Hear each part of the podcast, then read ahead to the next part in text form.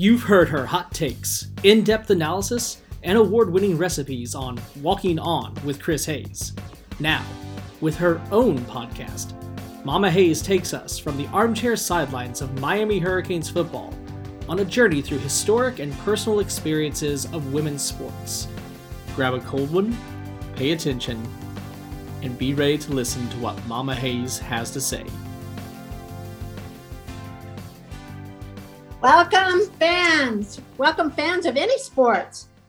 I'd like to start out by going back to the last podcast because towards the end, Izzy said um, something about Megan Rapinoe. And I have to admit, I mean, this is full disclosure here.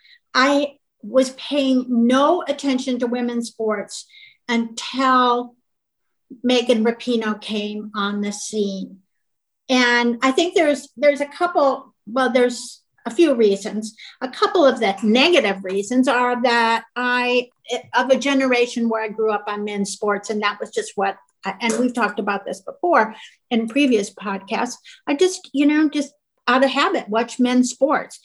And the other negative reason is i know nothing about soccer absolutely nothing. So uh, it could have been a men's soccer match or, a women's soccer match and not I would have had no interest in watching it. But as a positive, she brought my attention to it because as a professional and as a career woman, I had to fight for everything and I had to do it within the tasteful parameters of a business setting. And here is this fabulous young woman who is absolutely at the top of her sport and she's comfortable in herself and she's larger than life and she's using it to advocate for her sport and her career and for things to make that sport and that career not just for her but for other women now and in the future a better venue. I'm envious I'm regretful that I didn't have the wherewithal to do the same thing when I was younger. And I'm absolutely filled with admiration for what she and her fellow teammates and other women in sports are doing. So it's because of her and not the earlier one, the earlier stars that we've been talking about in the past that I really started to pay attention. So with that, we're moving forward let's talk about the activism that's going on right now in the, the U.S. women's national team. Um, yes, and we should absolutely talk about that. But on um, right, Megan Rapinoe, which I think we'll get into more is when we get into kind of like the 2000 late 2010s and 20s about her is I definitely agree with you. And what's great about her too, mom, it's not only like the fight that she's fighting for women's equality and everything else. Like she was one of the first athletes to also take a knee with Colin Kaepernick during the national anthem. So it's not only one of those of like, hey, I'm only fighting for women's equality. I'm fighting for everything. And I just think that makes her so much more genuine. And again, she's not only fighting for like women's rights, she's fighting for, you know, gay rights, transgender rights. Um, she's fighting for black athlete rights and everything else in between too. And i think that's what draws so many people towards her. And again she's one of those that's just is like i'm going to do this and bleep all of you. If i don't do it right like i don't care. Like i'm doing this because it's what's right. That's awesome. Izzy you. Izzy, you're, you're, on mute you, you're on mute. Just just kidding. There's sirens outside my apartment so i was muting myself. Sure. Um, yes. So I was reading about her activism in general. And one of the things she says that as a gay person, she experiences discrimination on a daily basis. And so she knows what it feels like to be belittled by the masses in general. So she said it's not difficult for her as a human in general, but it's also not difficult for her as a gay woman to stand up for Black Lives Matter movement, to stand up for women in equal pay to stand up for just the little person. And she's so strong in who she is and she's so just herself that that's that's also such a great role model for any athlete going into it. You don't see a lot of male or female athletes just being themselves and just being human and, and open and authentic. And that that message is also massive for the type of activism that they're doing. Yeah, and I think again, she's just been such a big part of that and, and, moving it forward and continuing it. And a lot of this started with the U.S. women's teams back in the '90s too, and, and I think a lot of people forget that we we talked about how big the World Cup was in '99. We talked about the Brandi Chastain photo, whether it's good or bad, and all of that. We talked about the amazing play of both sides of China and the U.S. women's team in that in that final game. But something that's not talked about, and Izzy, you have more information on this, is actually like we know about the equal pay and fighting for things. What happened in '99, and that almost didn't happen. Yeah, that uh, man, I wish going back to something that Mama said a few minutes ago about wishing that we all had that ability like early in our lives to stand up for more people or stand up for ourselves or what's right that's really hard to do. And so back in the 90s you had people who basically told them you're going to be playing for free or you're going to be playing for hand-me-downs you're going to be playing for pennies on what the men's team was making. And so you had these players who were it's actually a kind of the same issue with cheerleaders. You have cheerleaders who are playing or who are athletes depending on how you look at it but athletes for these major sports teams who aren't getting paid very much. So back in the 90s with the US women's national team, you're not getting paid a lot. Your your records are higher and your winnings are higher than the men's team, but you're you're getting treated like second class citizens. So it was really Mia Hamm and Brandi Chastain and Julie Foudy who started this movement all the way up until now. So there's this has been ongoing for 20 some years at this point. Mom, what were some of the things that you experienced or like when you were growing up and doing your athletic or trying to be your own woman and fighting for equal rights in your time? How did that, what did you experience? Well, I didn't do many sports, like almost none. Um, but in my career, it was a constant pushback. It was a con- it was a pushback from men. It was a why would you need to make the same amount of money as I'm making, speaking as a man to me, because you're married. You have somebody who can pay the bills. You don't need to worry.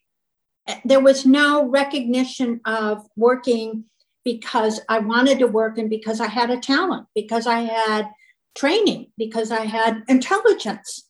And when there were other women in the workplace, we did not support each other. That was a, a major shock to me when I would meet up with other women and I, oh, let's go to lunch. And we'd sit there and, you know, I'd have I, this one woman was like, well, you're on your own. I mean, there was no, there was no support. And that's one thing that I really admire about these women now is that they are, they're working together. They're unified for the most part. And uh, we'll get into an exception of that, but tremendously unified in their fight for what it is that they want, what the benefits are that they want. We fought for benefits. We didn't have the same benefits that men had. I, I have a question on that too, because one of the things I want to get about or talk about with the 1990, 1999 team and what I misspoke on it, then um, they didn't actually were going into that tournament trying to go on strike and all that is actually after the tournament and they won because they realized the power that they had. And part of that was maternity leave. And mom, I want to ask you more too about when you were growing up was like in the business world and all of that too. Like how was maternity leave approached?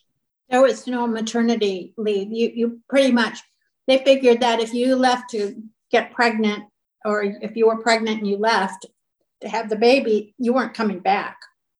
And so as Izzy is very frustrated in in the in the Zoom right now. Um, I that's what goes into my next point too of the 99 team. Realize that is that the players on the team, if they did maternity leave, and we talked about this in the first episode of the U.S. Women's National Team, of just like if you had a baby, your ovaries were going to fall out on the field. That they were not allowed to have maternity leave as players, and again, we talked about it too, is it was a career-ending injury, so they actually threatened to go on strike just to get maternity leave. Like they weren't even fighting for equal pay back in 99. They were fighting just of like, hey, we want to have kids as as natural as mother nature does because that's what we all do is that they didn't want or like they wanted to fight they the men were fighting against that as saying it was a career-ending injury, whereas it just turns out that like, oh no, having a kid and fighting for that maternity leave and all of that, and how important that was. And so that's where a lot of this equal pay that we see now and the fight for it started was in 99 around maternity leave. I think the assumption historically for me in my in, in business or whatever as opposed to now is if you're going to have a career that's what you're going to have it's, it's, it's, an either or. You you either have a career or you're a mother. And the few women who have succeeded at both over the years have been outliers. And one of those outliers was in actually then 10 years later was the defender kate uh, Sobrero markgraf. Um, i think i'm saying that all right.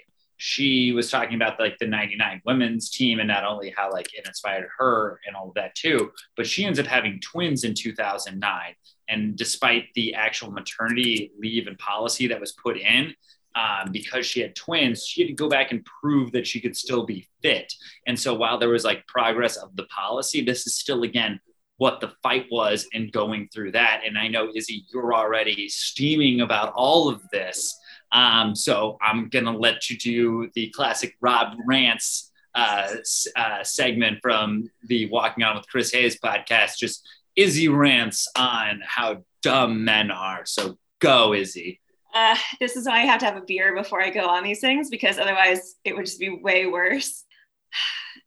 There's uh, there's just so many things that are wrong with all of this. Just the audacity of men that that they can control women's bodies, that they can control what they do and what their choices are, that they can deny them natural rights, that they can deny them pay, that they can deny them leave, that they ha- just have the assumption that once you have a child, then your life is over and that you're only good for one thing. Like that's really what it comes down to is their idea and their belief that women are only here on the planet to be childbearing. And it just drives me bonkers that that's a thing.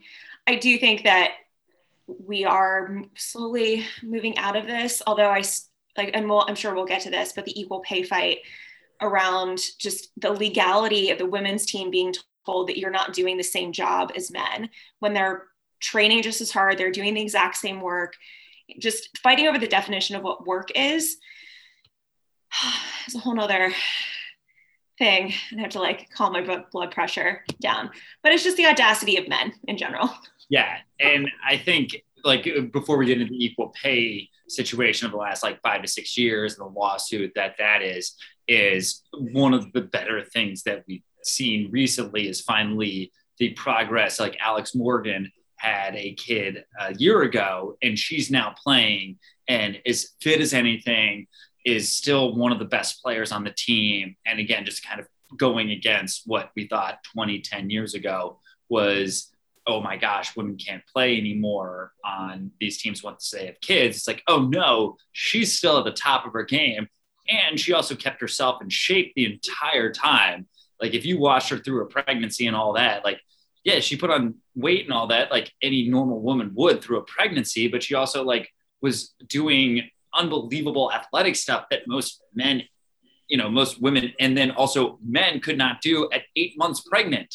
Like she was doing cone drills, she was doing soccer drills of just like nailing the target on a goal. And it's just one of those, I'm like, most men can't do that even when they're not pregnant. Aside from women who might be having medical problems during their pregnancy, I learned very quickly you know, I wasn't an athlete, but I did exercise and I exercised through the pregnancy. I didn't I didn't quit until about the last month and where I was just lumbering around and I couldn't, couldn't really move very agilely. So good for Alex Morgan. Well, mom, talk about it a little bit more because one, um, I don't have any experience with being pregnant, nor will. Uh, spoiler alert. Um, and I know Izzy does not have experience with it either. Sorry to speak for you, Izzy. Um, um, but mom, explain a little bit more of that uh, for actually probably the male audience here of just like being able to not only carry a child, but being able to be athletic and do things like that. And again, this is coming from the woman that has admitted for multiple podcasts that she's not the most like favorite person that loves doing athletics and staying in shape and everything else. So like this is pretty big to say that you still did exercise while being pregnant when you easily could have just been like, nah, I'll throw my hands up, especially like, and again, you're living, well, you were pregnant in 88, and that's like right at the fast food generation where it's just like very easy to get a burger whenever you want and could have leaned into that, but instead you didn't. And so I want you to talk more about that. Well, first of all, let me correct you. Not terribly athletic, but I did always, as an adult, try to stay in shape and uh, yeah, I did different programs over the years. By the time I was pregnant with you, and for maybe a half a dozen years beforehand, I was jazzercising, and I was jazzercising on a regular basis. I like to do rhythmic exercises. I mean that that's fun for me, and so that was one of the things I was doing. And I remember the first time I went after I found out I was pregnant, I thought, well, am I going to be able to squat? Is the baby going to just roll out of me? You know? And I, once I realized that I got through that first first session, I didn't feel any different. Then I just kept going. And, and I kept going as long as I possibly could, as energetically as I possibly could. And I didn't feel like it was holding me back. Well, it's such a natural part of living, and for it's natural theoretically for women to be carrying children, like those who have issues carrying and getting pregnant aside, it's a very natural process. So to exercise and have that in the same time is normal. So you're not doing anything that's out of the ordinary. And that's the thing with these judgments and rules on maternity leave for athletes, female athletes, of just the idea that they're somehow unable to exercise or unable to be normal human beings while they're also pregnant, that somehow carrying a child makes them super weird and unnatural. And that's what's kind of confusing in the end is that men are just somehow a switch is flipped whenever they find out a woman becomes pregnant. They're like, oh, well, suddenly she can't do X, Y, and Z, or suddenly she's endangering herself and the child by doing all the things, the things that she was doing before. And that just is so confusing to me somehow. One of the things that Mike used to say is think back about the women who used to be working in the fields. They were pregnant, they had the baby, and they were back in the field, if not the next the same day, the next day you know? I mean and and that that kind of rung true with me. It's like okay i get it. We can do what we we can do what's best. I mean look at the women who have their kid and then are just right back on the exercise track and i'm not talking about like I'm Alex not talking, Morgan. well i'm not talking about i'm not talking about professional athletes. I'm talking about is it you and me you know just normal people who say look you know i want to get back in shape and i feel good and i'm going to get back in there. And they do. Yeah we're not fragile just because we happen to right. gotten pregnant. Right one of the ones and i know this isn't exactly related to soccer but is serena williams winning the australian open being pregnant too like that does not get enough just amazing that she had a second human in her and won a major in tennis and was at the top of her sport. Like that's incredible.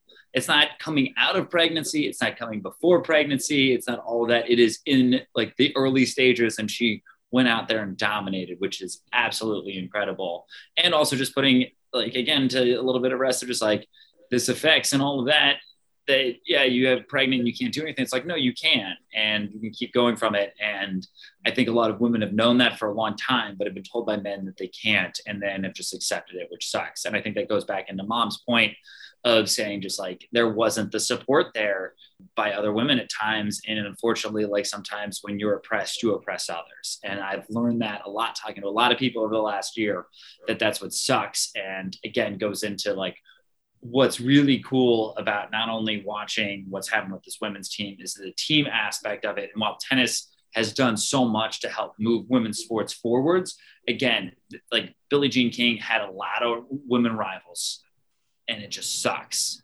And it could have been them coming together.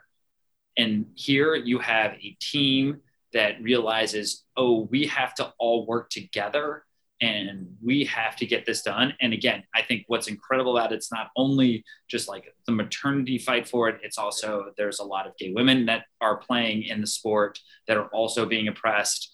And they all realized it and came together. And, and there's black athletes being oppressed in there. And they all came together and they said, F it, we're going to be really good, we're going to win, and we're going to fight for equality.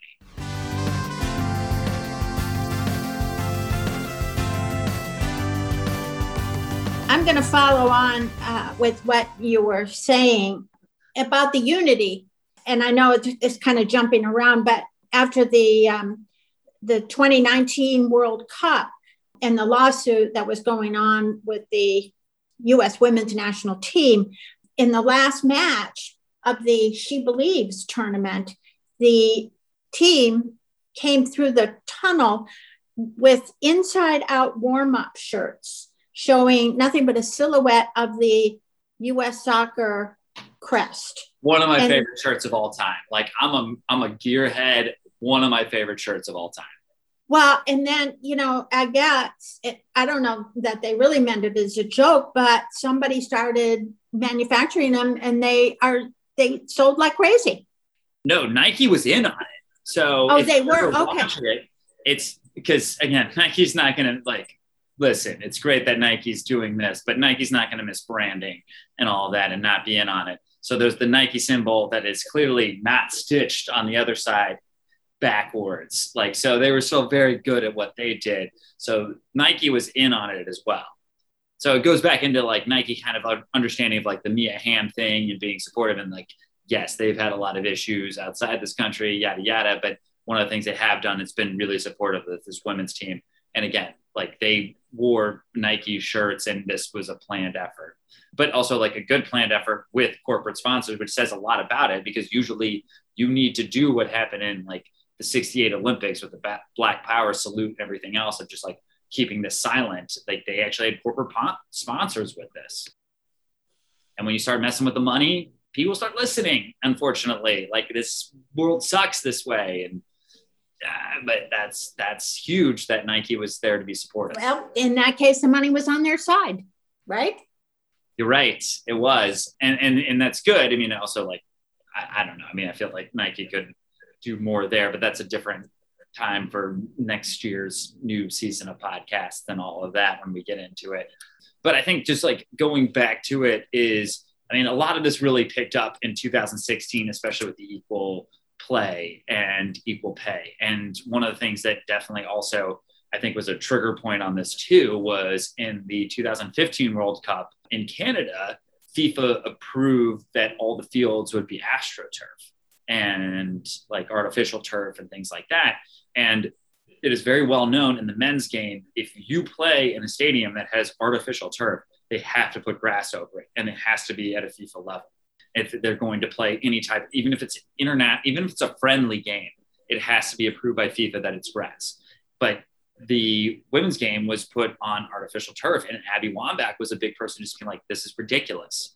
This is crazy. Like the men are playing on unbelievable manicured turfs, and we're playing on turfs that were played by CFL teams and all of that. Like you guys can do better." And I think that's where a lot of that kind of started. All of a sudden, seeing like hey, like we have to keep fighting for equality here. And it only not started with turf um, of all things, but then gets into the pay and realizing of like, we've now won what is at that time the third World Cup and the men's team who in 2014 got to the knockout round and lost and are still like in the middle of the pack of just like mediocre soccer teams and all the things of CONCACAF.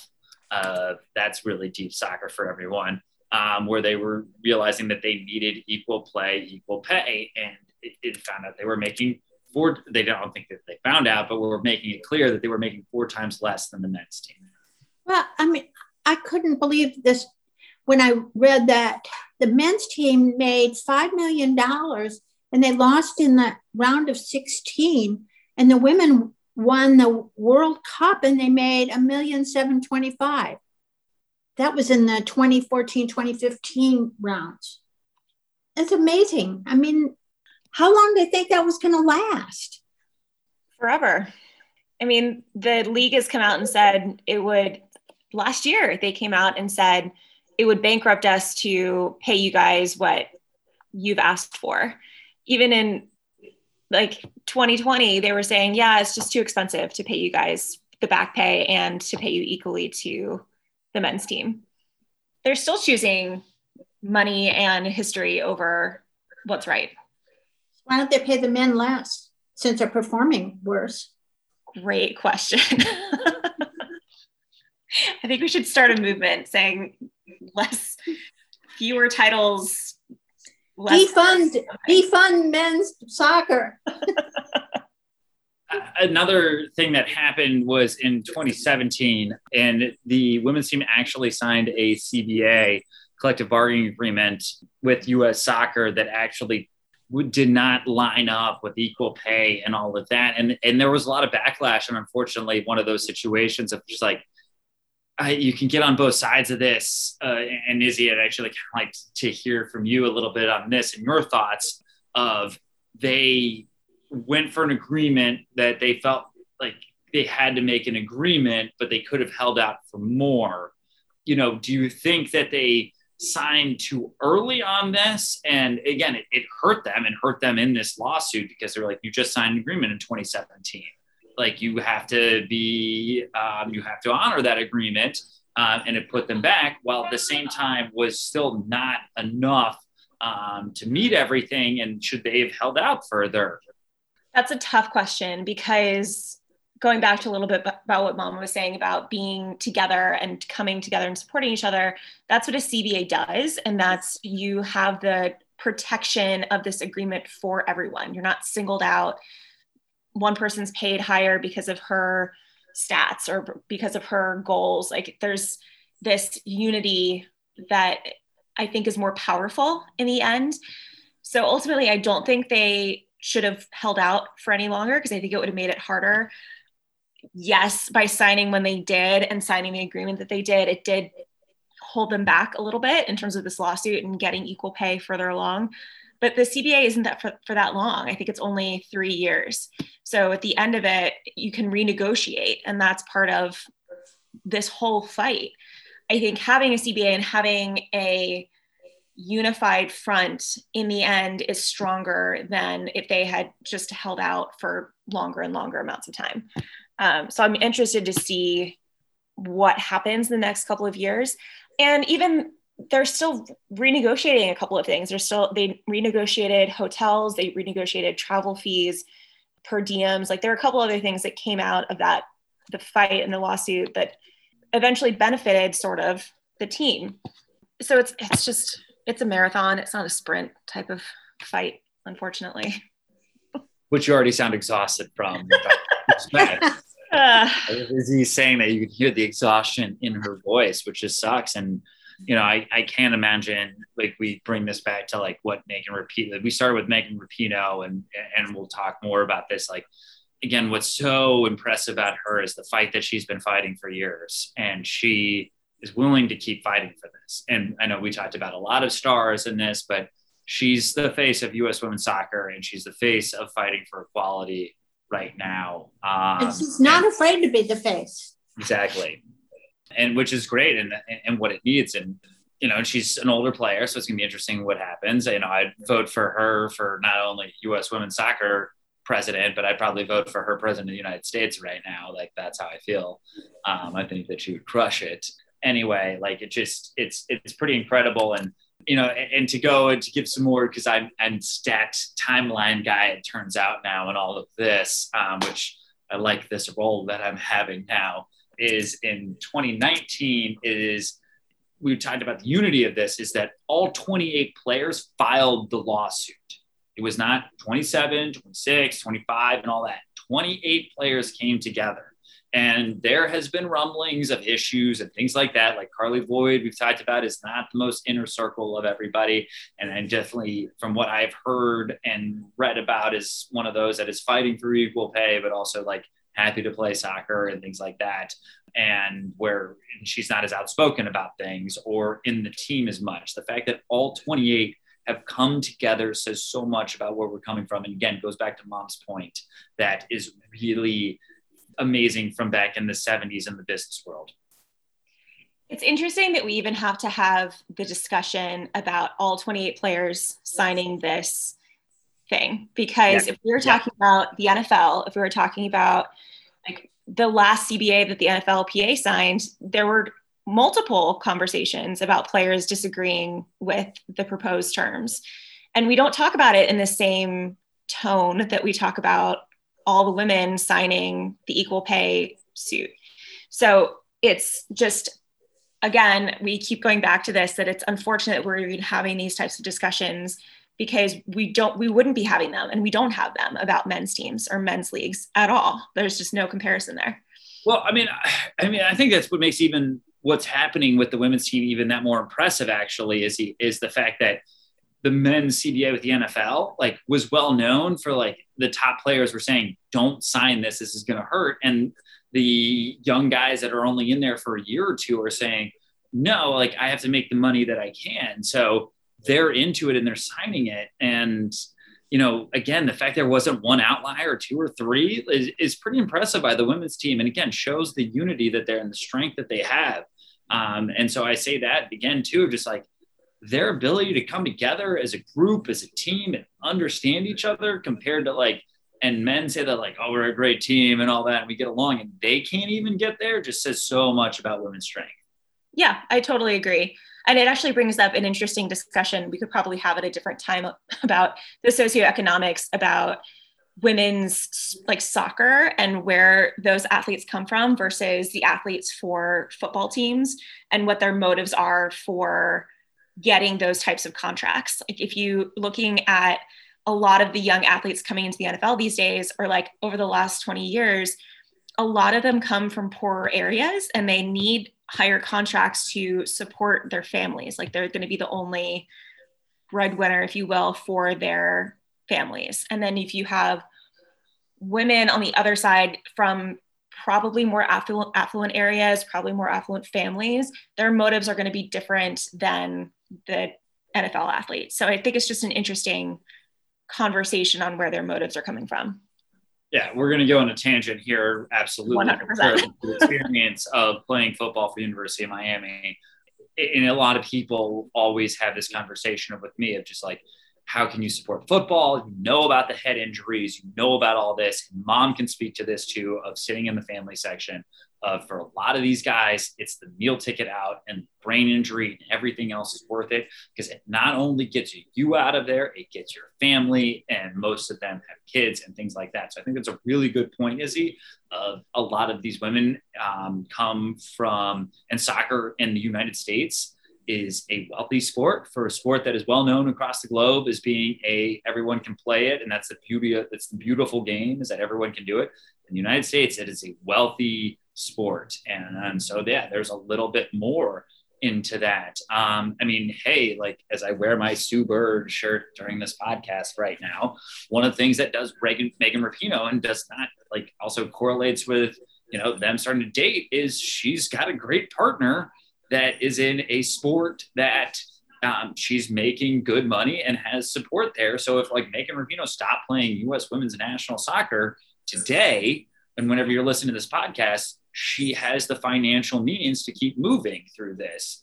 And, that, and that's something to be said. And, and again, that's what again makes her amazing because she could just give up and move on, but she realizes the gravity that she has and goes from there. And I know, mom, you, you listened to the podcast recently. You, you explained a little bit of, a couple of episodes ago of just like her talking with Kate Fagan and Sue Bird about that. Yeah, I listened to that podcast, but I want to go back about five minutes or so because I haven't had been able to get a word in edgewise here. I want to go back to the whole concept of unity. I've been reading the book uh, that the Lamoureux twins wrote, the Lamoureux twins being hockey players and um, Olympic champions. And they um, also explain more about them, not to overproduce here, but Lamoureux twins are men or women I'm sorry, they're women. They're women and they played for the University in North, North I'm sorry, North Dakota. They were from a town in North Dakota, I believe, actually, the town that um, the university is located in. And they were extremely successful in college. One, I, I know nothing about hockey, so I can't tell you what tournaments they won, but they were in, they won a lot of tournaments. And then Another they, tangent. Which one do you know more about, hockey or soccer? Go. Oh, soccer, probably by a hair. All right, cool. Go back to it. Sorry. So anyway, they also the hockey, professional hockey, they also had their fight for equality but they also but they didn't they didn't focus only on equal pay they focused on the per diems they were getting for the um, for the olympics they were getting $15 a day while men were getting $50 a day per diem. And they were fighting for maternity ben- benefits and other um, health benefits. And also for she read the book too. Maisie read the book. I'm sorry. They were fighting for a family fund which apparently is men's players could bring a family member to a sporting event or to a tournament but women couldn't. Of course you know add on travel arrangements. But in their legal fight and they hired an, a law firm and they they went through this um, the same thing. Basically they talked to julie foudy soccer player and and she recommended her recommendation was you've got to face this as one group. You've got to face this unified. And so when they threatened to strike or not play in the olympics the association started to go to colleges and to the amateur hockey players. And the Lamoureux twins and their friends and their fellow players contacted all these people and or all these women and nobody agreed to play no matter who they contacted nobody agreed to play and that's what's amazing about women because they can actually all get on the same page and fight for the same thing while the NFL teams still can't do that.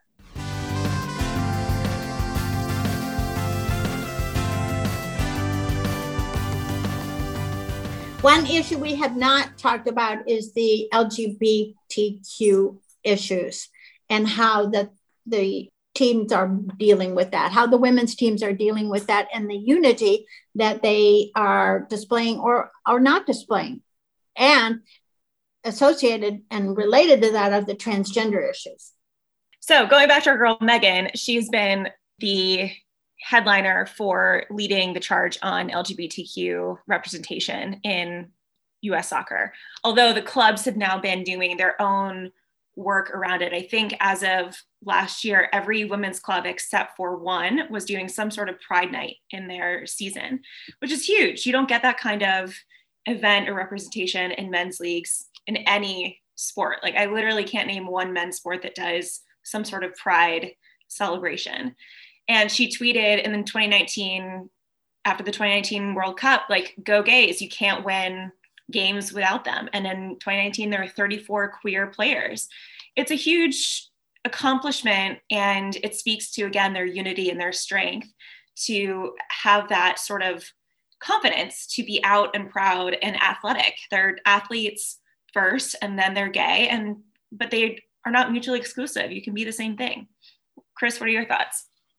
Of the leagues that have embraced it is, you know, not only just leagues, but then the U.S. Women's National Team, but the WNBA, um, and and being, you know, where every time it's rumored that a male athlete's gay, it's such a big deal. Where it's accepted in women's sport, and also it's a part of it. And I mean, you see it a lot in the MLS, um, where they do a lot of Pride awareness and Pride Month. And I know there's been a lot of issues in the same way of just like last year with the racial injustice stuff, where a lot of brands are like, "Yeah, we're with you," but also just corporate branding um, and all of that. But you know, I think soccer has definitely been on the forefront, and especially on the women's side of that, just doing a, a, a good job of bringing it up. I mean.